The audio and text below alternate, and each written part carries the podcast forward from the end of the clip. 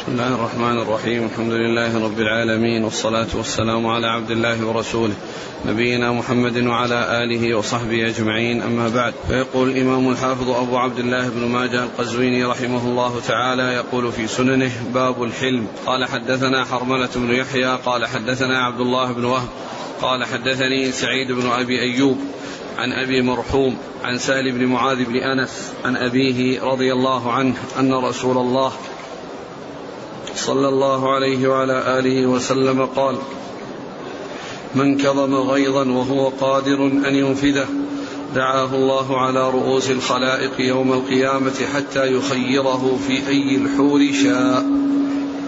بسم الله الرحمن الرحيم الحمد لله رب العالمين وصلى الله وسلم وبارك على عبده ورسوله نبينا محمد وعلى آله وأصحابه أجمعين.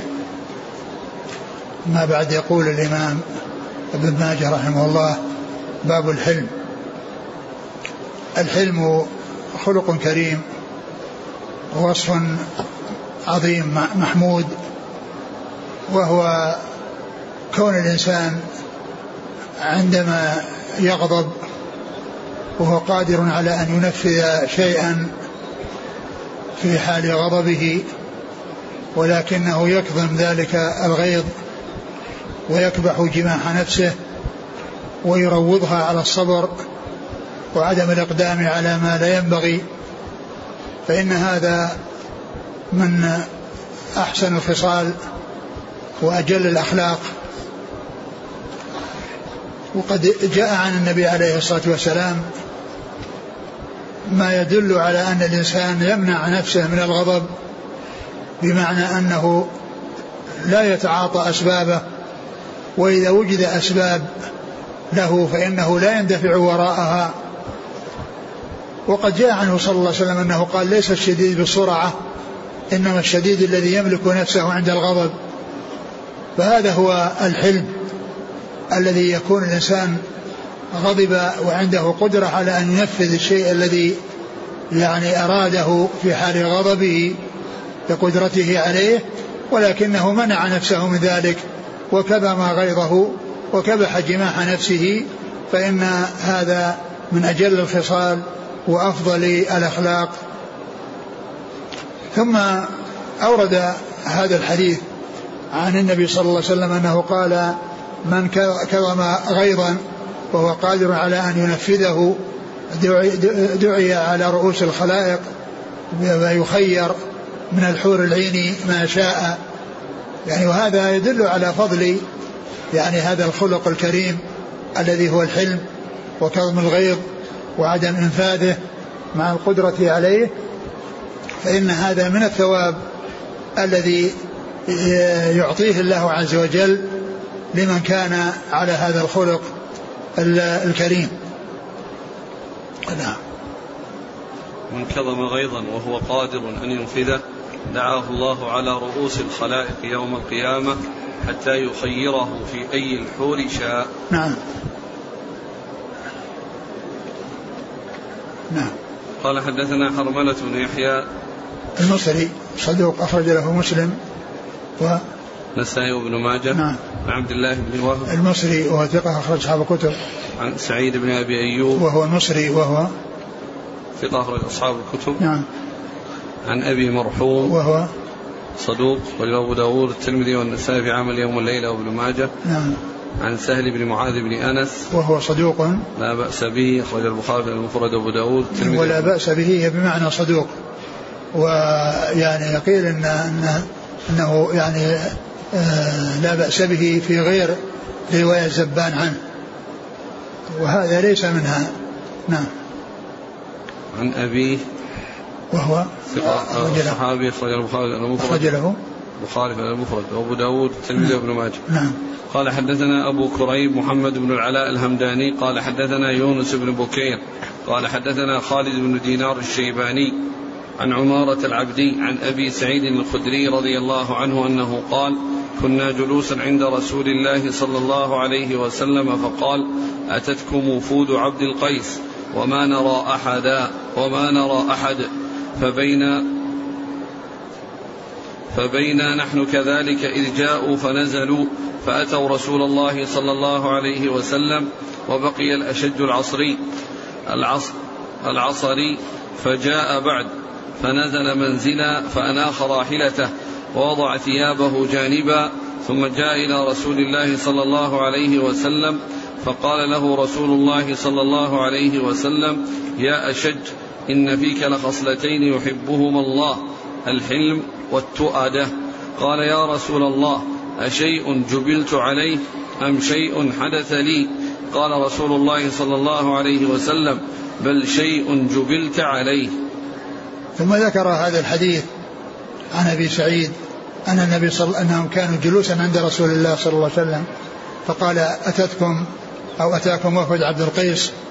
ثم إنهم وصلوا وجاءوا إليه عليه الصلاة والسلام والأشج وهو واحد منهم تأخر وعقل البعير ولبس ثيابه ثم جاء إلى النبي صلى الله عليه وسلم بعد قومه وقال له النبي صلى الله عليه وسلم إن فيك لخصلتين يحبهما الله الحلم والتؤدة.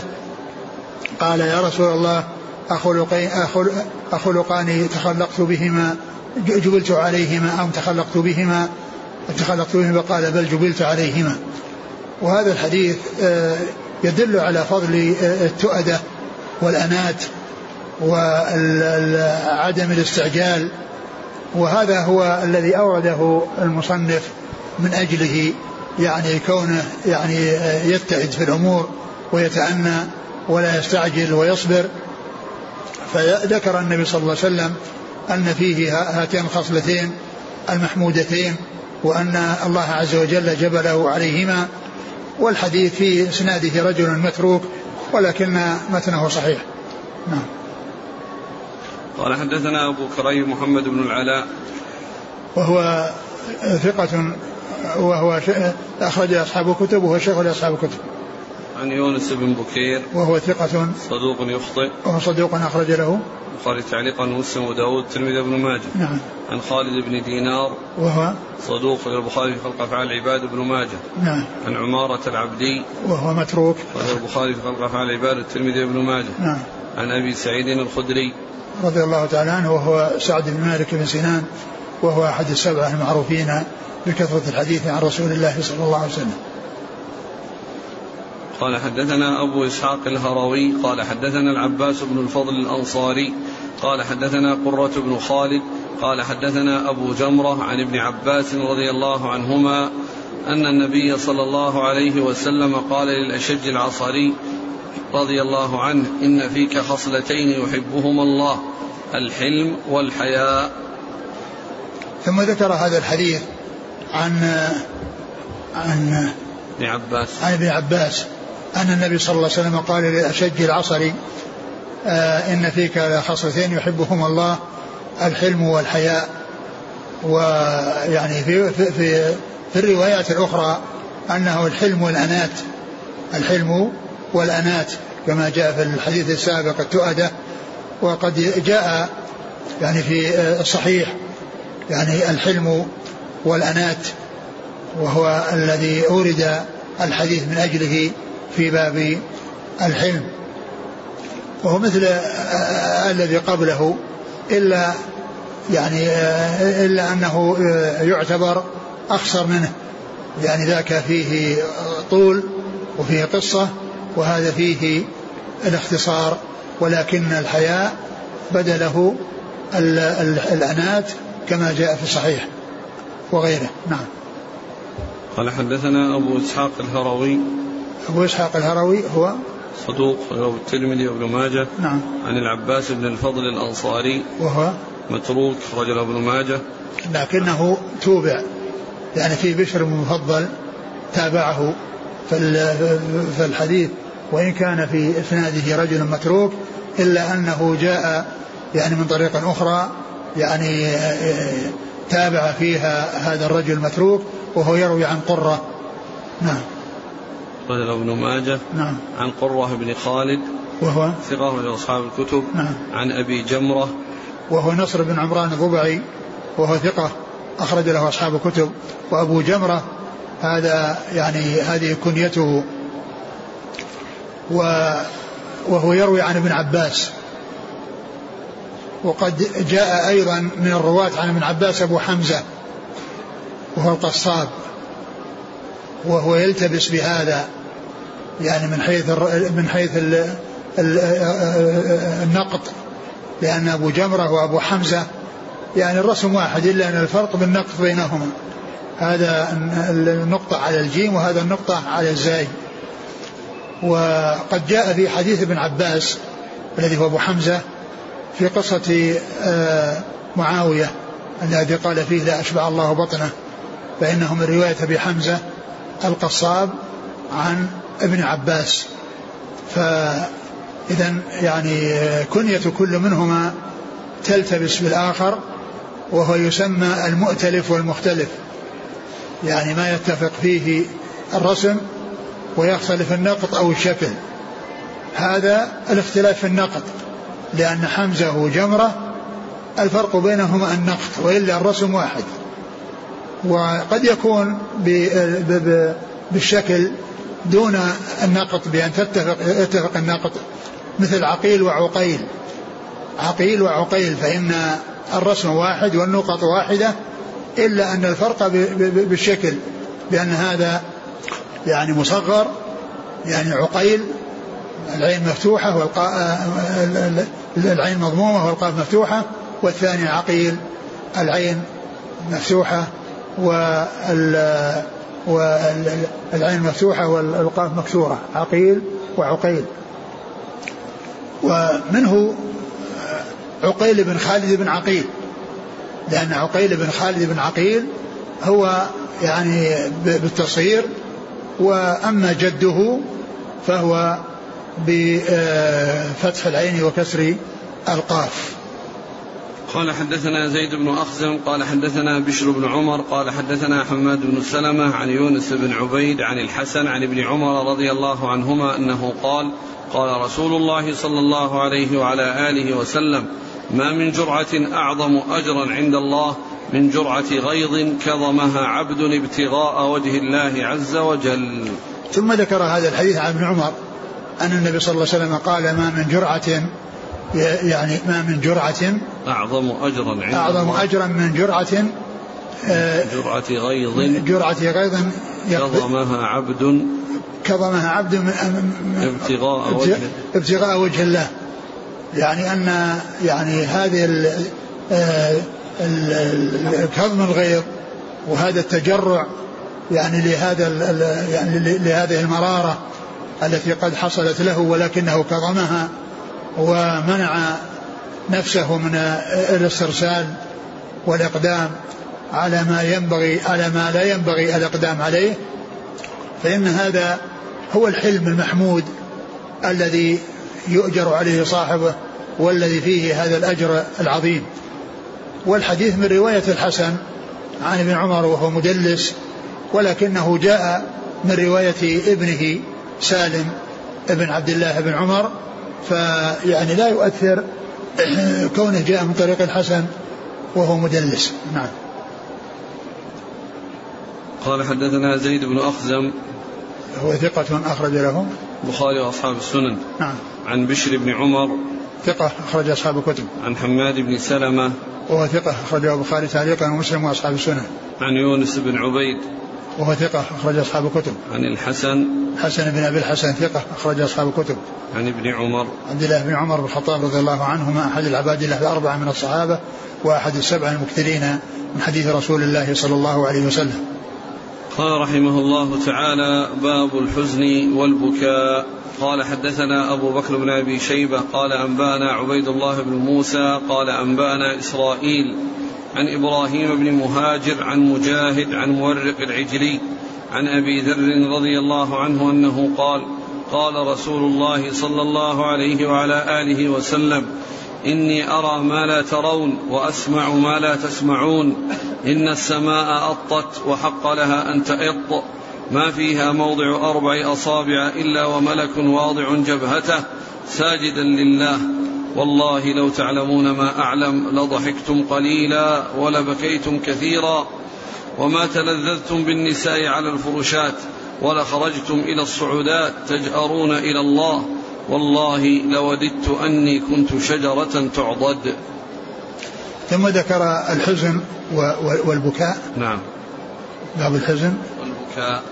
باب الحزن والبكاء. يعني آه كل إنسان يحزن على شيء يعني آه يسوءه أو شيء يعني آه يلحق به أو لحق به به به ضرر أو أصابه يعني فيه ضرر. وكذلك يعني البكاء من خشية الله عز وجل ومن خوفه وشديد عقابه. ثم أورد حديث أبي ذر رضي الله عنه أن النبي صلى الله عليه وسلم قال إني أرى ما لا ترون وأسمع ما لا تسمعون. إني أرى ما لا ترون وإني أسمع ما لا تسمعون. الله عز وجل أعطى نبيه صلى الله عليه وسلم ما لم يعطهم وحصل له ما لم يحصل لهم. أما كونه يرى ما لا يرون فإنه يحصل أن يرى ببصره صلى الله عليه وسلم ما لا يرونه. ومن ذلك ما جاء في آه، صلاة الكسوف عندما صلى بالناس صلاة الكسوف عليه الصلاة والسلام وعرض عليه الجنة وعرض عليه النار في قبلته. فكان يرى الجنة ويرى عناقيدها ويمد يده إليها ويرى النار ويرى العذاب فيها ويتقهقر. والصحابة ما رأوا هذا الذي رآه. رأوا صلى الله عليه وسلم رأوا يده صلى الله عليه وسلم ممدودة ولكنهم ما رأوا الشيء الذي مدت إليه. فقد رأى ما, لا ما, ما, لا ما, ما لم يروا وأطلعه الله عز وجل على ما لم يطلعهم عليه. وكذلك يسمع ما لا يسمعون. أطلعه الله عز وجل على ما لم يطلعهم عليه. ولهذا جاء في الحديث الصحيح لولا أن لا تدافنوا لدعوت الله أن يسمعكم من عذاب القبر ما أسمع. والحديث في الصحيح في صحيح مسلم لولا أن لا تدافنوا لدعوت الله أن يسمعكم من عذاب القبر ما أسمع. فهو يعني أسمعه الله عز وجل ما يجري في القبور ولهذا لما مر بالقبرين وأحدهما يعذب بالنميمة والثاني يعذب بعدم الاستبراء من البول وأطلعه الله عز وجل العذاب وأسمعه ما يجري في القبور فأخذ جريدتين جريدة وشقها شقين وجعل كل على كل منهما قطعة وقال لعله يخفف عنهما ما لم يلبسه.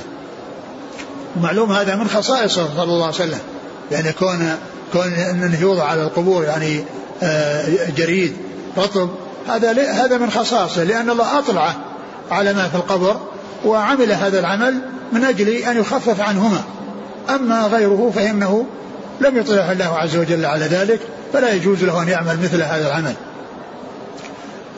إن, إن أرى ما لا ترون وأسمع ما لا تسمعون. نعم. إن السماء أطت وحق لها أن إن السماء أطت وحق لها أن تأط ما فيها موضع أربع أصابع إلا وملك واضع جبهته ساجد لله عز وجل. يعني أطت يعني الأطيط هو الصوت. يعني صوت القتب وصوت الرحل على البعير. إذا كان عليه حمل فإنه يطلع له صوت يخرج له صوت يعني من من من يعني من الثقل الذي يكون فيتحرك أو يحصل يعني للقتب أو يحصل الرحل الذي عليه والذي شد به ذلك الحمل الثقيل فإنه يطلع على صوت. أطت السماء وحق لها أن تأط ما فيها موضع قد ما فيها موضع أربع أصابع إلا وملك واضع جبهته ساجد لله عز وجل. وهذا يدلنا على كثرة الملائكة. وأن الملائكة عدد لا يحصيه إلا الله عز وجل جند لا يعلمه يعني عدده وقدره إلا هو سبحانه وتعالى وهم كثيرون. ولهذا كل كل إنسان له قرين من الجن وقرين من الملائكة فكل إنسان معه قرين. وجاء أن البيت المعمور وهو في السماء السابعة يدخله يوميا سبعون ألفا من الملائكة. ومن دخله مرة لا يرجع إليه مرة أخرى. كل النوبة مرة واحدة. ويوميا سبعون ألف. وكذلك الحديث الذي فيه أن جهنم تأتي ولها سبعون ألف سبعون ألف زمام. لكل زمام سبعون ألف ملك. سبعين ألف بسبعين ألف. هؤلاء الذين يجرون النار. فالملائكة يعني عددهم كبير. والله تعالى هو الذي يعلم ذلك وهذا الحديث الذي معنا يدل على كثرتهم لأن السماء على سعتها وكبرها وضخامتها ما فيها موضع أربع أصابع إلا وملك ساجد لله عز وجل واضع جبهته ساجد لله سبحانه وتعالى. هذا كله يدلنا على كثرة الملائكة. نعم. والله لو تعلمون ما أعلم لضحكتم قليلا ولبكيتم كثيرا. وما تلذذتم بالنساء على الفروشات ولخرجتم إلى الصعودات تجأرون إلى الله. لو تعلمون ما أعلم لضحكتم قليلا وبكيتم كثيرا. وهذا يعني أورده من أجل هنا وبكيتم كثيرا. يعني باب الحزن والبكاء. لو تعلمون ما أعلم لضحكتم قليلا ولبكيتم كثيرا. يعني هذا السرور والاستئناس الذي يكون مع الناس دائما كثيرا وباستمرار لو أطلعهم الله عز وجل على ما أطلعه عليه لحصل منهم يعني الضحك القليل والبكاء الكثير. وليس الضحك الكثير والبكاء القليل أو عدم البكاء. لبكيت لضحكتم قليلا ولا بكيتم ولا ولا ما تلذذتم بالنساء على الفرش على الفرشات يعني الاستئناس والتمتع بالنساء. يعني يعني هذا الذي لو أطلعهم الله عليه شغلهم عن هذا هذه اللذة وعن هذه المتعة. ولا خرجتم إلى الصعودات تجأرون الصعودات في الطرق. تجأرون يعني تجأرون إلى الله بالدعاء بالاستغاثة بأن يعني يخلصهم يعني من هذا الشيء الذي يعني يرونه أو الشيء الذي وقع بهم أو حل بهم. نعم ثم قال والله لوددت أني شد أني كنت شجرة تعضد. والله إني وددت أني لو كنت شجرة تعضد يعني تعضد, تعضد تقطع. وهذا الكلام ليس من كلام الرسول صلى الله عليه وسلم وإنما هو مدرج من كلام أبي ذر لأنه جاء في مسند الإمام أحمد أن أن أبا ذر قال يعني فيه قال أبو ذر لما ساق الحديث ذكر الحديث جاء بعده وددت قال أبو ذر وددت أنني شجرة تعضد. لكن يعني بعض الرواة أدرجه. والإدراج هو أن يدخل كلام غير كلام الرسول صلى الله عليه وسلم في كلامه حتى يظن أنه من كلامه. كما هنا لأن ما في قال أبو ذر وإنما هو متصل بكلام الرسول صلى الله عليه وسلم فأدرج فيه. ولكن بعض الروايات جاءت مفصلة ومميزة بأن هذا الكلام ليس من كلام الرسول صلى الله عليه وسلم وإنما هو من كلام أبي ذر كما جاء ذلك في مسند أحمد. بعد ما ذكر الحديث قال قال أبو ذر وددت أني شجرة تعضد. نعم. قال حدثنا أبو بكر بن أبي شيبة. ثقة أخرج أصحاب الكتب إلى الترمذي. عن عبيد الله بن موسى. وهو ثقة أخرج أصحاب الكتب عن إسرائيل. ثقة أخرج أصحاب الكتب. عن إبراهيم بن مهاجر. وهو صدوق لين الحفظ. أخرجه مسلم وأصحاب السنن. نعم. عن مجاهد. وهو ثقة أخرج أصحاب الكتب. عن مورق العجلي. وهو ثقة أخرج له. أصحاب الكتب. نعم. عن أبي ذر. جندب بن جنادة رضي الله عنه أخرج له أصحاب الكتب.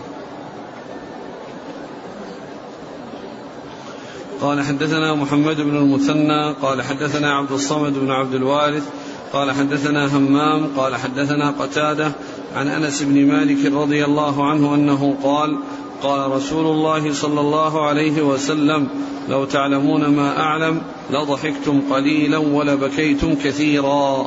ثم ذكر هذا الحديث المختصر وهو يعتبر قطعة من الحديث السابق الحديث السابق طويل وهذا قصير. وهو مشتمل على هذه الجملة وهي لو تعلمون ما أعلم لضحكتم قليلا وبكيتم كثيرا. لو تعلمون ما أعلم لضحكتم قليلا وبكيتم كثيرا. نعم. قال حدثنا محمد بن المثنى. هو أبو موسى الزمن وهو ثقة أخرج له أصحاب الكتب وهو شيخ لأصحاب الكتب. عن عبد الصمد بن عبد الوارث. وهو صدوق أخرجه أصحاب الكتب. عن همام بن يحيى العوذي ثقة أخرج أصحاب الكتب. عن قتادة عن أنس. قتادة بن دعامة السدوسي البصري ثقة أخرج أصحاب الكتب. وأنس بن مالك رضي الله عنه خادم الرسول عليه الصلاة والسلام وأحد السبع المكثرين من حديثه.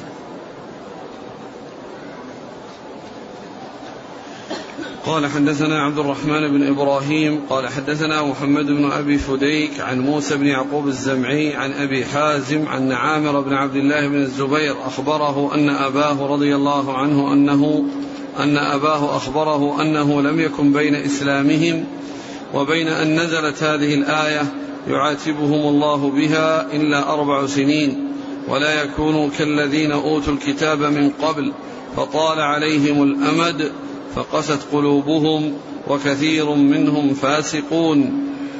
ثم ذكر هذا الحديث عن ابن الزبير رضي الله تعالى عنهما وهو يعتبر من المراسيل. ولأن ابن الزبير لأن هذا الذي حصل أنه بمكة. وابن الزبير إنما ولد في قبى أول ما قدموا للهجرة. فهو أول مولود ولد بعد الهجرة. وقد نزل النبي صلى الله عليه وسلم ومن معه من المهاجرين في قبى أياما وبنى مسجد قبى وفي ذلك وفي هذه المدة ولد ابن الزبير. يعني قبل أن يصلوا إلى داخل المدينة وإنما ولد في قبى وهو يحكي عن شيء حصل بمكة. فهذا يقال له من مراسيل الصحابة. يعني كون الصحابي يحكي عن شيء ما شاهده ومعلوم أن مثل ذلك إنما أخذه عن الصحابة. ولهذا جاء في بعض الروايات جاء في بعض ال ال بعض الروايات أن في بعض الأسانيد عند عند بعض الأئمة أن أن ابن الزبير يرويه عن يرويه عن ابن مسعود يرويه عن مسعود. يعني فهو يعني يكون ابن الزبير يرويه عن مسعود. وهذا يبين يعني أن أنه أخذه عن ابن مسعود. وقد جاء أيضا في الصحيح في صحيح مسلم عن ابن مسعود رضي الله عنه أنه قال يعني لم يكن بين نزول هذه الآية يعني ويعني وبين إسلامنا يعني آه، إلا أربع سنين. يعني أنها نزلت بعد إسلامهم ويعني بعد ما مضى أربع سنين نزلت هذه الآية. التي فيها ألم يعني الذين آمنوا تخشى قلوبهم لذكر الله وما نزل من الحق ولا يكونوا كالذين أوتوا الكتاب من قبل وطال عليهم الأمد فقست قلوبهم وكثير منهم فاسقون. نعم. قال حدثنا عبد الرحمن بن إبراهيم. هو الملقب دحيم وهو ثقة أخرج البخاري وأبو داود والنسائي وابن ماجه. عن محمد بن أبي فديك وهو صدوق. قال أصحاب الكتب. نعم. عن موسى بن يعقوب الزمعي وهو صدوق سيء الحفظ. نعم. المفرد وأصحاب السنن. نعم. عن أبي حازم وهو ثقة أصحاب الكتب. نعم. عن عامر بن عبد الله بن الزبير وهو ثقة أخرج أصحاب الكتب. عن أبيه عبد الله بن الزبير رضي الله عنهما أخرج له أصحاب الكتب. قال حدثنا بكر بن خلف قال حدثنا أبو بكر الحنفي قال حدثنا عبد الحميد بن جعفر عن إبراهيم بن عبد الله بن حنين عن أبي هريرة رضي الله عنه أنه قال قال رسول الله صلى الله عليه وعلى آله وسلم لا تكثروا الضحك فإن كثرة الضحك تميت القلب. ثم ذكر هذا الحديث عن النبي صلى الله عليه وسلم أنه قال لا تكثر الضحك فإن كثرة الضحك تميت القلب. يعني معناها يعني كون الإنسان يعني دائما يضحك ودائما يعني مشغول مشغول بالمضحكات وبالأشياء التي تجعله يضحك دائما. فإن قال أخبر أخبر عليه الصلاة والسلام أول نهى عن كثرة الضحك وقال إنها تميت القلب يعني من آثارها السيئة أنها تميت القلب لأن كون الإنسان دائما يضحك فإنه يعني يموت قلبه وينشغل بالضحك عن ما يقتضي البكاء ويقتضي الخشية والخوف من الله سبحانه وتعالى. نعم. قال حدثنا بكر بن خلف. هو؟ صدوق البخاري تعليقا وداود بن ماجه. نعم. عن أبي بكر الحنفي. وهو عبد الكبير ابن عبد المجيد وهو ثقة أخرج أصحاب الكتب. نعم. عن عبد الحميد بن جعفر. وهو؟ صدوق ربما وهم مخرج البخاري تعليقا ومسلم وأصحاب السنن. نعم. عن إبراهيم بن عبد الله بن حنين. وهو؟ ثقة أخرج أصحاب الكتب. نعم. عن أبي هريرة. أبو هريرة عبد الرحمن بن صخر الدوسي رضي الله عنه أكثر الصحابة حديثا قال حدثنا هناد بن السري. قال حدثنا أبو الأحوص عن الأعمش عن إبراهيم عن علقمة عن عبد الله رضي الله عنه أنه قال قال لي النبي صلى الله عليه وسلم اقرأ علي فقرأت عليه بسورة النساء حتى إذا بلغت فكيف إذا جئنا من كل أمة بشهيد وجئنا بك على هؤلاء شهيدا؟ فنظرت إليه فإذا عيناه تدمعان. ثم ذكر هذا الحديث عن ابن مسعود رضي الله عنه. أن النبي صلى الله عليه وسلم طلب منه أن يقرأ عليه فقرأ عليه سورة النساء. حتى إذا وصل عند هذه الآية فكيف إذا جئنا من كل أمة بشهيد وجئنا بك على هؤلاء شهيدا؟ قال ابن مسعود فنظرت إليه فإذا عيناه تدمعان. يعني أنه يبكي صلوات الله وسلامه وبركاته عليه.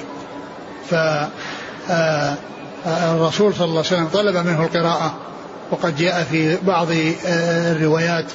أنه قال كيف أقرأه؟ عليك أنزل. قال إني أحب أن أسمعه من غيري. فقرأ عليه. ثم أنه لما وصل عند هذه الآية قال حسبك الآن يعني يكفي.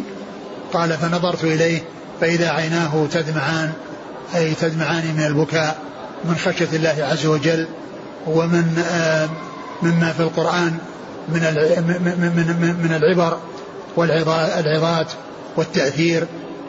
ولهذا فإن القرآن كما وصفه الله عز وجل لو أنزل على جبل لا يعني اندك ذلك الجبل وصار خاشعا وكما جاء كما كما جاء ذلك و آه، ويقول آه، يقول آه، ابن عبد القوي في منظومة الآداب في يقول وداوم على درس القرآن فإنه يلين قلبا قاسيا مثل جلمدي.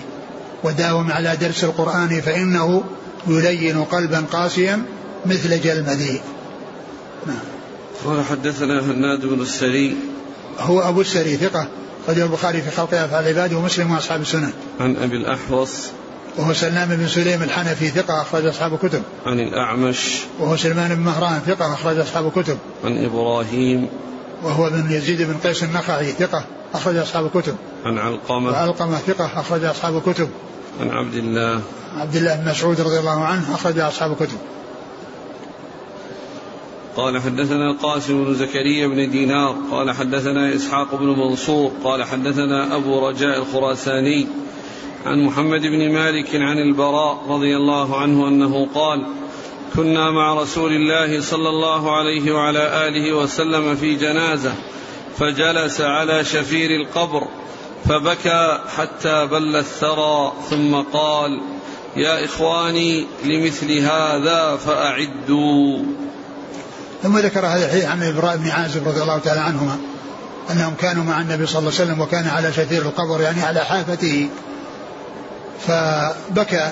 حتى تساقطت دموعه على التراب وقال يا إخواني لمثل هذا فأعدوا يعني استعدوا لهذا لهذا للقبر واستعدوا للموت ولما بعد الموت استعدوا للموت ولما بعد الموت. و ولهذا الرسول صلى الله عليه وسلم لما سأله رجل عن الساعة قال عليه السلام وماذا أعددت لها؟ يعني ما الذي أعددته لنفسك إذا قامت الساعة؟ هذا هو المهم أن الإنسان يقدم لنفسه عملا صالحا. قال لمثل هذا فأعدوا لأن لأن هذا المكان الذي يصل إليه الإنسان هذا أول منازل الآخرة. وقد انتهى وهو أول الآخرة لأن الموت هو الحد الفاصل بين الدنيا والآخرة. فمن مات قامت قيامته وانتقل من دار العمل إلى دار الجزاء. وانتقل من دار العمل إلى دار الجزاء. ولهذا يقول آه يقول علي بن أبي طالب رضي الله عنه كما أورده البخاري في صحيحه عن في كتاب الرقاق يقول إن الدنيا قد ارتحلت مدبرة وارتحلت الآخرة مقبلة ولكل منهما بنون. فكونوا من أبناء الآخرة ولا تكونوا من أبناء الدنيا فإن اليوم عمل ولا حساب وغدا حساب ولا عمل. اليوم هو الذي قبل الموت. كل ما كان قبل الموت هو الدنيا. وهو دار العمل. وما بعد الموت هو دار الجزاء. وما بعد الموت هو دار الجزاء. فإن اليوم عمل ولا حساب. وغدا حساب ولا عمل. اليوم ما قبل الموت وغدا ما بعد الموت. ما قبل الموت عمل ولا حساب وما بعد الموت حساب ولا عمل. وإنما الإنسان يجد ما قدم إن خيرا فخير وإن شرا فشر. كما قال سبحانه فمن يعمل مثقال ذرة خيرا يره ومن يعمل مثقال ذرة شرا يره. ويقول في الحديث القدسي يا عبادي إنما هي أعمالكم أحصيها لكم ثم أوفيكم إياها فمن وجد خيرا فليحمد الله ومن وجد غير ذلك فلا يلومن إلا نفسه. نعم.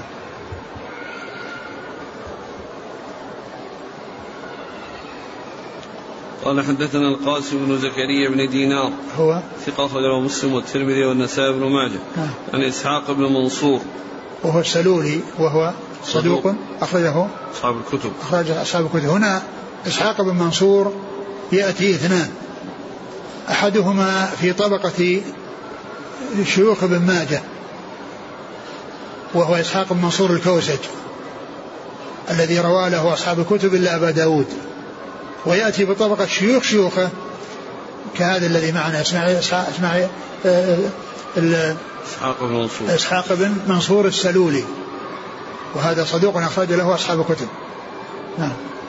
عن أبي رجاء الخراساني. وهو؟ ثقة أخرجه ابن ماجه. نعم. عن محمد بن مالك. وهو؟ صدوق يخطئ كثيرا أخرج له ابن ماجه. نعم. عن البراء. البراء بن عازب رضي الله عنهما أخرج له أصحاب الكتب. قال حدثنا عبد الله بن أحمد بن بشير بن ذكوان الدمشقي قال حدثنا الوليد بن مسلم قال حدثنا أبو رافع عن ابن أبي مليكة عن عبد الرحمن بن السائب عن سعد بن أبي وقاص رضي الله عنه أنه قال قال رسول الله صلى الله عليه وعلى آله وسلم ابكوا فإن لم تبكوا فتباكوا. ثم ذكر هذا الحديث عن سعد بن أبي وقاص رضي الله تعالى عنه. أن النبي صلى الله عليه وسلم قال ابكوا فإن لم تبكوا فتباكوا. ابكوا فإن لم تبكوا فتباكوا. يعني أن البكاء إذا كان قد حصل من الإنسان يعني فذاك وإلا فإنه يتباكى. يعني يعني يحاول يعني أو يعني يعالج أن يحصل منه البكاء. لكن الحديث ضعيف لأن في إسناده من فيه ضعف وهو لم يصح عن رسول الله صلى الله عليه وسلم. قال حدثنا عبد الله بن أحمد بن بشير. هو؟ صدوق في أبو داود بن ماجه. نعم. عن الوليد بن مسلم. وهو ثقة أخرج أصحاب الكتب. عن أبي رافع. وهو مجهول. ضعيف الحفظ. وهو ضعيف نعم. خرج البخاري في المفرد الترمذي وابن ماجه. نعم. عن ابن أبي مليكة. وهو ثقة أخرج أصحاب الكتب. عن عبد الرحمن بن السائب. وهو مقبول أخرجه ابن ماجه. نعم. عن سعد بن أبي وقاص. رضي الله عنه. أخرج له أصحاب الكتب. والعشرة المبشرون بالجنة. كلهم أخرج لهم أصحاب الكتب. قال حدثنا عبد الرحمن بن إبراهيم الدمشقي وإبراهيم بن المنذر.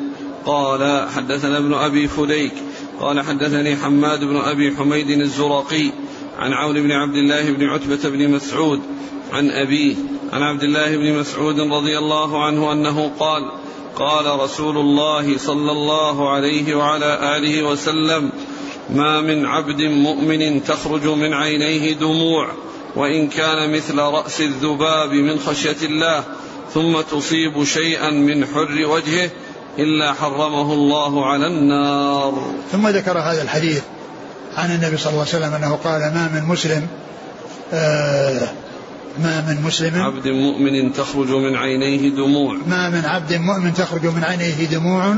وإن كان مثل رأس الذباب وإن كان مثل رأس الذباب يعني وإن كان شيئا يسيرا وإن كان دمعا يسيرا وإن كان مثل رأس الذباب. ف ف ف من خشية الله. من خشية الله يعني هذا البكاء من خشية الله. ف ف فتصيب؟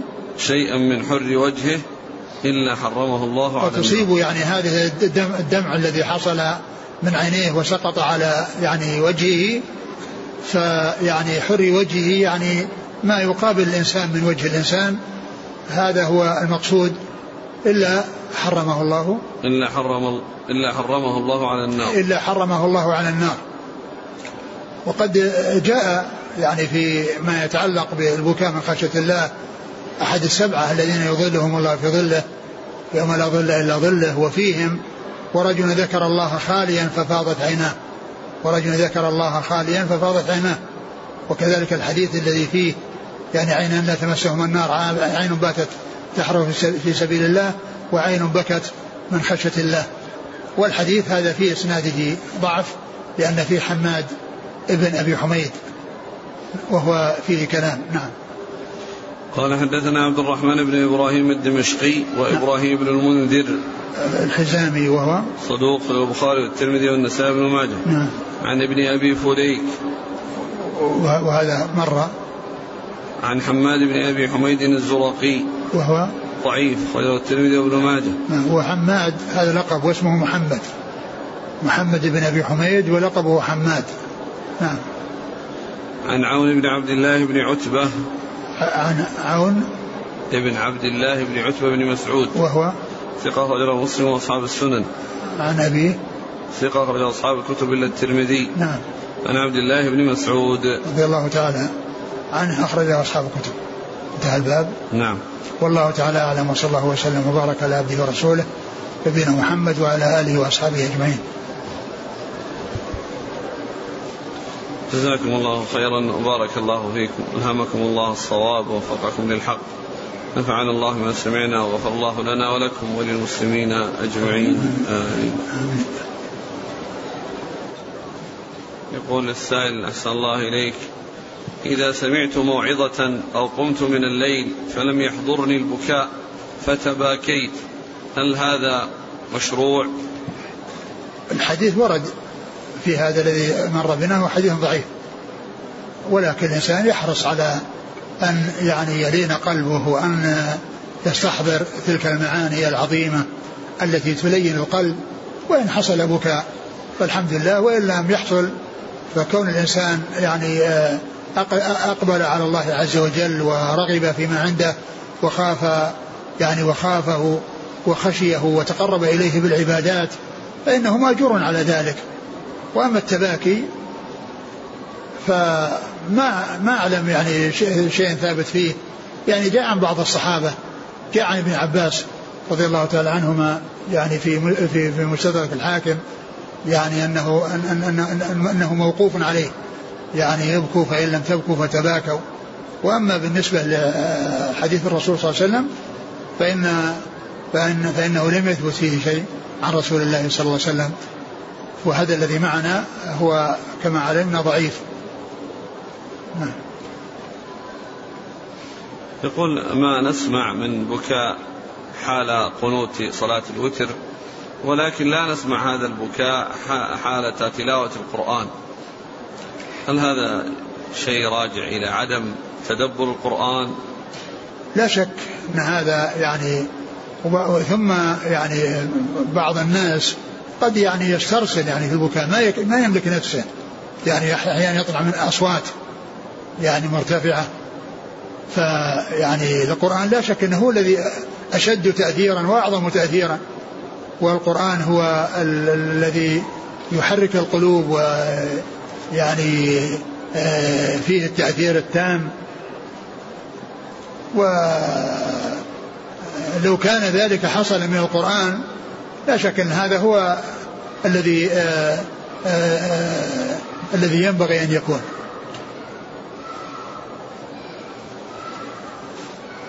يقول أحيانا يرتفع الصوت في البكاء من غير اختيار الإنسان.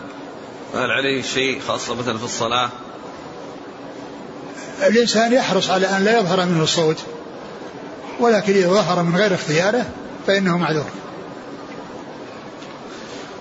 ما الأسباب التي ينبغي على العبد أن يعملها لكي يبكي من خشية الله. يعني منها كما ذكرت آنفا التأمل في القرآن والتدبر في القرآن آه الذي هو يعني فيه تحريك القلوب وفيه التأثير وفيه العبر وفيه العظات وفيه الزواجر. وذكرت البيت الذي ذكره ابن عبد القوي في منظومة الآداب وداوم على درس القرآن فإنه يلين قلبا. قاسيا مثل الجلمد الجلمد الحصى. الحصى يعني يلين القلوب. كما يعني يعني كما أن الشيء القاسي يلين فإن القرآن يلين القلوب. وكذلك أيضا كون الإنسان يتذكر الموت يتذكر ما بعد الموت. وكذلك يعني كونه يعني آه، آه، يفكر يعني في في الدار الآخرة ويعني يحرص على الأخذ بالأسباب والأعمال الطيبة التي آه، تؤثر على الإنسان والتي تجعله يعني يخشى الله عز وجل وذلك بأن يعمل الأعمال الصالحة التي تقربه إلى الله عز وجل فيكون على صلة بالله على صلة بالله. وهذا هو الذي يجعل الإنسان آه، آه، آه، يخشى الله عز وجل ويخافه كونه يعني يعمل الأعمال الصالحة رجاء رجاء ثواب الله وخشية من عقاب الله. ولكن من أعظم يعني الأشياء المؤثرة على القلوب هي قراءة القرآن والتأمل فيه وكذلك ذكر الموت وما بعده. وكذلك ذكر الموت وما بعده. نعم. يقول ذكر الشارح أن الأطيط تقريب وليس حقيقيا. فهل هذا كلام صحيح؟ يعني آه، الأطيط هو نص أو جاء النص على أن أن أن فيه أطيط. أن فيه أطيط. يعني ف يعني هذا هو الذي يقتضيه اللفظ. لكن يعني وجود الكثرة يعني يعني لعل المقصود إن وجود الكثرة أن يعني أن الملائكه أن السماء فيها هذه الكثرة وسواء حصل اطيط أو ما حصل اطيط لكن الحديث يقول إنه أبطأ. فإذا يعني هذا يدل على على حصول ذلك. يقول ما الفرق بين الصبر والحلم؟ الصبر يعني أعم من الحلم لأن الصبر يعني يدخل في الصبر على الطاعات والصبر عن المعاصي والصبر على أقدار الله المؤلمة لأن الصبر ثلاثة أنواع. صبر على طاعة الله ولو شقت على النفوس وصبر عن معاصي الله ولو مالت إليها النفوس وصبر على أقدار الله المؤلمة. عندما ينزل من الإنسان مصائب يصبر ولا يتضجر ولا يتسخط. وإنما يرضى بقضاء الله وقدره ويقول إنا لله وإنا إليه راجعون. ما شاء الله كان وما لم يشاء لم يكن. فإذا الصبر أعم. وأما الحلم فهو كظم الغيظ وكونه يعني يحصل يعني عنده شيء من الغضب يعني يجعله يتمكن من أن ينفذ الشيء الذي أراده أراده ولكنه جمح أو كبح جماح نفسه ومنع نفسه من أن ينفذ هذا الشيء الذي قدر عليه. فالصبر أعم من الحلم لأن الحلم يعني يعني كظم الغيظ والامتناع عن الوصول على شيء يقدر عليه بسبب الغضب. وأما الصبر فهو أعم يدخل تحته هذه الأمور الثلاثة. هل يتنافى كظم الغيظ مع عدم العفو في نفس الإنسان. نعم. هل يتنافى كظم الغيظ مع عدم عفوه في نفسه؟ آه كونه يعني يكظم الغيظ ويعفو هذا مطلوب لكن كونه يعني ما عفا ولكنه يعني منع من أن يوقع الضرر بمن آه، قدر على أن يوقعه فيه وإن لم يحصل منه العفو. لا شك إذا حصل العفو مع كظم الغيظ ومع الحلم هذا شيء طيب وقد يكظم الغيظ وفي نفسه شيء وفي نفسه شيء وإن لم يعفو. ما في تلازم بين لأن يوجد يوجد العفو والكظم وكظم الغيظ بمعنى أنه كظم غيظه وعفى ويوجد كونه يعني كظم غيظه مع أن نفسه يعني فيها شيء. الحديث يعني من كظم غيظه وقادر خيره الله من الحور العين. هل المرأة تدخل في ذلك إذا كظمت غيظها؟ معلوم أن المرأة يعني هي التي في الدنيا هي زوج لزوجها في الدنيا وإنما الحور العين هي النساء التي خلقنا في الجنة التي خلقنا في الجنة. والمرأة إذا دخلت الجنة حصلت ما لا عين رأت ولا أذن سمعت ولا خطر على قلب بشر وهي مع زوجها في متعة وفي نعيم. يعني آه يعني كل منهم يرى أن أنه ليس هناك أحسن مما هم فيه. آه، كثرة الضحك تميت القلب. المراد بموت القلب يعني الابتعاد عن العبادة أو ماذا؟ موت القلب يعني كما هو معلوم آه، آه، كون الإنسان إذا كان الضحك كثيرا يعني ما يقل خوف الله عز وجل لأن ما دائما دائما في ضحك ودائما في سهو ودائما في لهو ودائما في أمور مضحكة. يعني لا يفكر بالموت ولا يفكر بما بعد الموت ولا يفكر بالأعمال الصالحة التي تنفعه يعني آه، بعد الموت. يعني من تميته بمعنى أنه يكون غافلا. عن أن يقدم لنفسه عملا صالحا يلقاه وغافلا عن ما يعني عن الموت وما وما وما وما وراء الموت من من الأهوال والأمور العظيمة. نعم. يقول ألا يدل على التباكي ما جاء في السنة في دخول مدائن صالح حيث قال صلى الله عليه وسلم لا تدخلوها فإن أنتم فأتوها وأنتم باكين أو متباكين أو كما قال صلى الله عليه وسلم.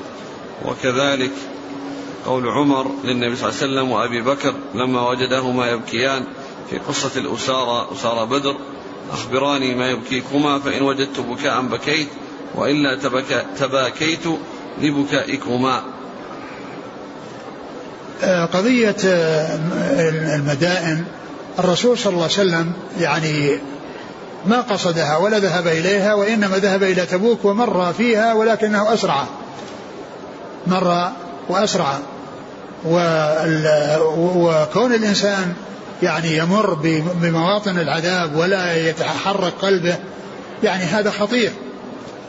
فيعني كون الإنسان يعني يبكو يبكي إذا مر بها يعني لا أولا ما ينبغي أن يقصدها ويذهب إليها لأنه ما جاء شيء يدل على قصدها. والرسول صلى الله عليه وسلم ما قصدها ولكن إذا أتاها الإنسان بمعنى أنه مر بها فإنه يعني لا يكون ضاحكا ويكون يعني غافلا ويكون لاهيا وإنما يكون باكيا. لكن التباكي أو متباكين لا أعرف لا أعرف شيئا عن ذكر التباكي في هذا. الذي يعني الذي هو البكاء الذي هم باكين. وأما ما جاء عن عمر فلا أدري شيئا عن صحته. ولو صح فهو مثل الأثر الذي جاء عن مسعود الذي صح عن ابن عباس الذي ذكرته والذي أخرجه الحاكم. وهو موجود في صحيح الترغيب وترهيب نعم. هل الذي لا تدمع عينه يدل ذلك على قسوة قلبه حتى وإن كان صالحا؟ لا يلزم.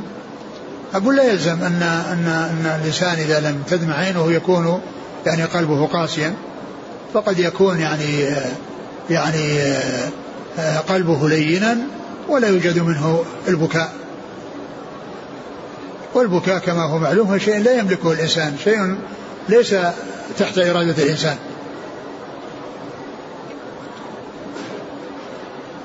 هل يصح أن نقول أن من سمع القرآن وبكى من غير رفع صوت. هل نقول أن هذا الشخص ضعيف ليس لديه قوة تحمل؟ إيش؟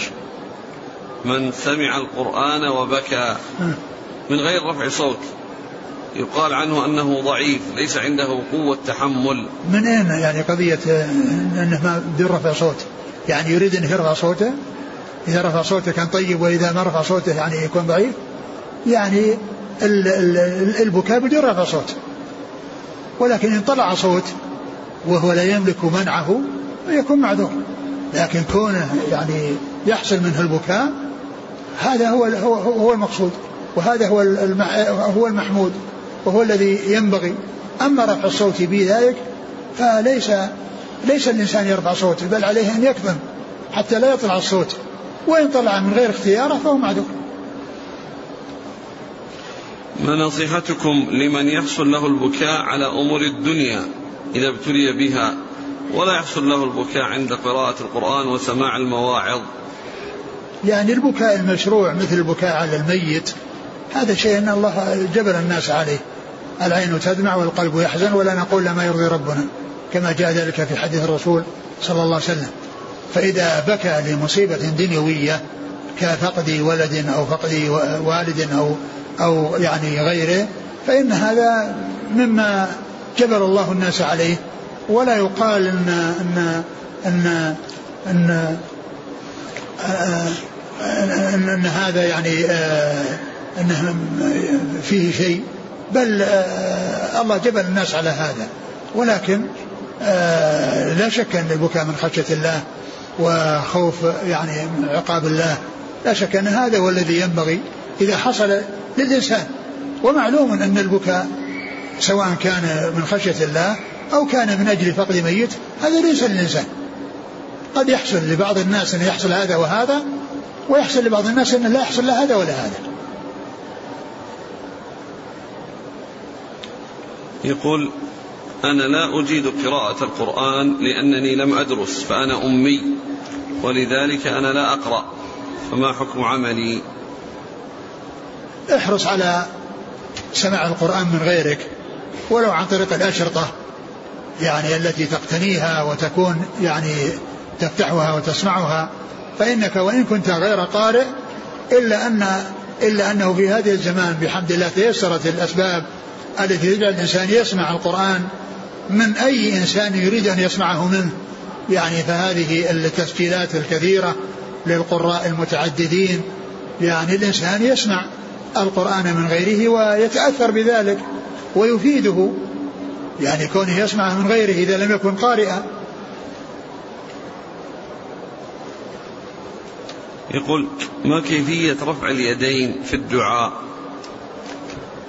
يعني يرفعهما وبطونهما إلى السماء العادي. يرفعهما إلى السماء وأما في الاستسقاء فيجعل بطونهما إلى الأرض. قول الله تبارك وتعالى ورث سليمان داود وقول صلى الله عليه وسلم إنا معاشر الأنبياء لا نورث الجمع. ورثه بالعلم والنبوة.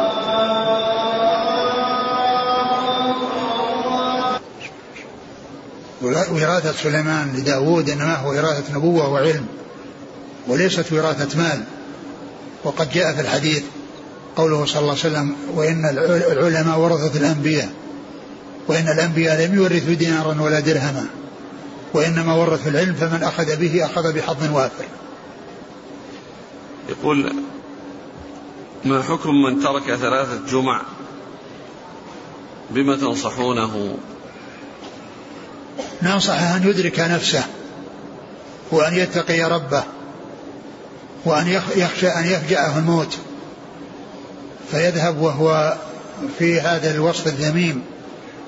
فعليه المبادرة إلى إصلاح نفسه والمحافظة على الصلوات على الجمع والجماعات وأن يكون حرصه على أداء الصلوات في المساجد جمع وجماعات يعني من أعز شيء إليه وأهم شيء إليه لأن هذا هو قوت الآخرة.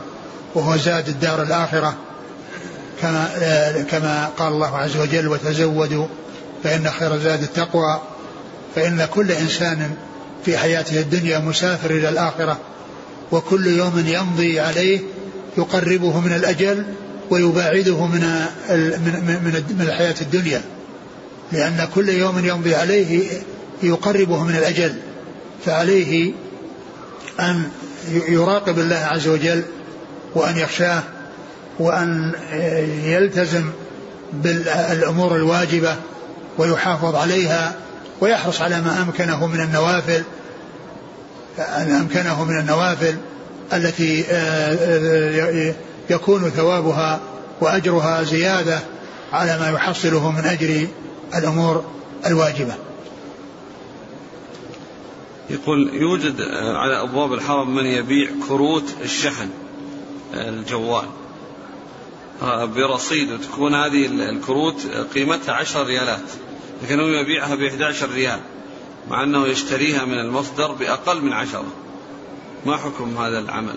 آه يعني يبدو والله أعلم أن مثل هذا يعني لا يقال أن هذه آه يعني أن هذه يعني نقود لأن هذه يعني أشياء بمثابة السلعة.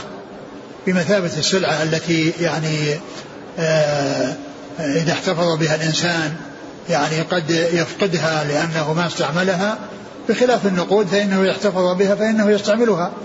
فيبدو أن مثل هذا يعني مثل مثل هذه البطاقات التي فيها الشحن والتي لها قيمة يعني وقد وهي تساوي عشرة ريال يعني آه ما يقال إن هذه عشرة ريالات. هذه ورقة أو هذه بطاقة يعني مثل السلعة. فيعني لو اختلفت القيمة بأن الإنسان اشتراها بأقل أو بأكثر يبدو أنه لا بأس بها. يقول ما هو السبيل إلى العمل بالعلم؟ مثلا لذلك درسنا اليوم. كيف السبيل إلى العمل؟ بتحصيل الحلم. تحصيل إيش؟ لتحصيل الحلم. آه الإنسان إذا عرف أن هذا الوعي الوعد لمن حصل منه ذلك فإنه أولا يجتهد إلى أن يعني يمنع نفسه من الغضب ويبتعد الأسباب التي توصله إلى الغضب لأن الغضب هو الذي يكون معه الحلم أو الاندفاع والإقدام على ما لا ينبغي. فأولا يتجنب أسباب الغضب ويبتعد عن أسباب الغضب. والنبي صلى الله عليه وسلم لما جاءه رجل وقال أوصني قال لا تغضب. فكرر مرارا قال لا تغضب. يعني يقصد بذلك أنه يعني يأخذ بالأسباب التي تمنعه من الغضب. ويحول بينه بين, بين نفسه وبين الوقوع في الغضب بالتخلص أو من الوقوع في أسبابه. فإذا وقع الغضب فإن الإنسان يجاهد نفسه بألا يندفع. لأن الإنسان إذا غضب فقد يتكلم بكلام قبيح ويتجاوز الحد ويظلم الإنسان الذي قد أساء إليه أكثر من ظلمه له وقد يعني أيضا يمد يده ويحصل منه بطش ويحصل منه يعني أشياء لا تحمد عقباها. فالإنسان أولا يجتهد في السلامة من الوقوع في أسباب الغضب حتى لا يوجد الغضب. وإذا وجد, الغضب يجتهد على أن يحبس نفسه وأن يكبح جماحها وألا يجعلها تسترسل وتقدم على فعل الشيء الذي لا تحمد عاقبته. يسأل يقول هل الجن يأتون إلى الحرم ويحضرون مجالس العلم؟ آه الجن مثل الإنس. يعني فيهم خيار وفيهم شرار يعني فيهم صالحون وفيهم طالحون. فيهم صالحون وفيهم طالحون. والحديث يعني جاء ما من مسلم إلا ومعه قريب من الجن وقريب من الملائكة. يعني قريب من الجن وقريب من الملائكة. فيعني آه، كون آه، فيه صالحون لا شك أن أن أن الصالحون منهم يسعون يعني إلى ما فيه الصلاح والطالحون منهم يسعون إلى ما فيه الفساد مثل الجن مثل الإنس. الإنس فيهم الصالحون وفيهم الطالحون. فيهم ناس يأتون المساجد وفيهم ناس ما ياتون للمساجد. يقول نجد بعض الأئمة والقراء عندما يأتون الآيات التي فيها وعيد يكررونها عدة مرات وربما غيروا الصوت فهل هذا الفعل مشروع ليتأثر السامع؟ يعني التكرار جاء ما يدل عليه. ما يدل عليه. وإذا حصل التكرار يعني لبعض الآيات وبعض الفقرات لا بأس بذلك لأنه جاء ما يدل عليه. جزاكم الله خيرا سبحانك الله وبحمدك أشهد أن لا إله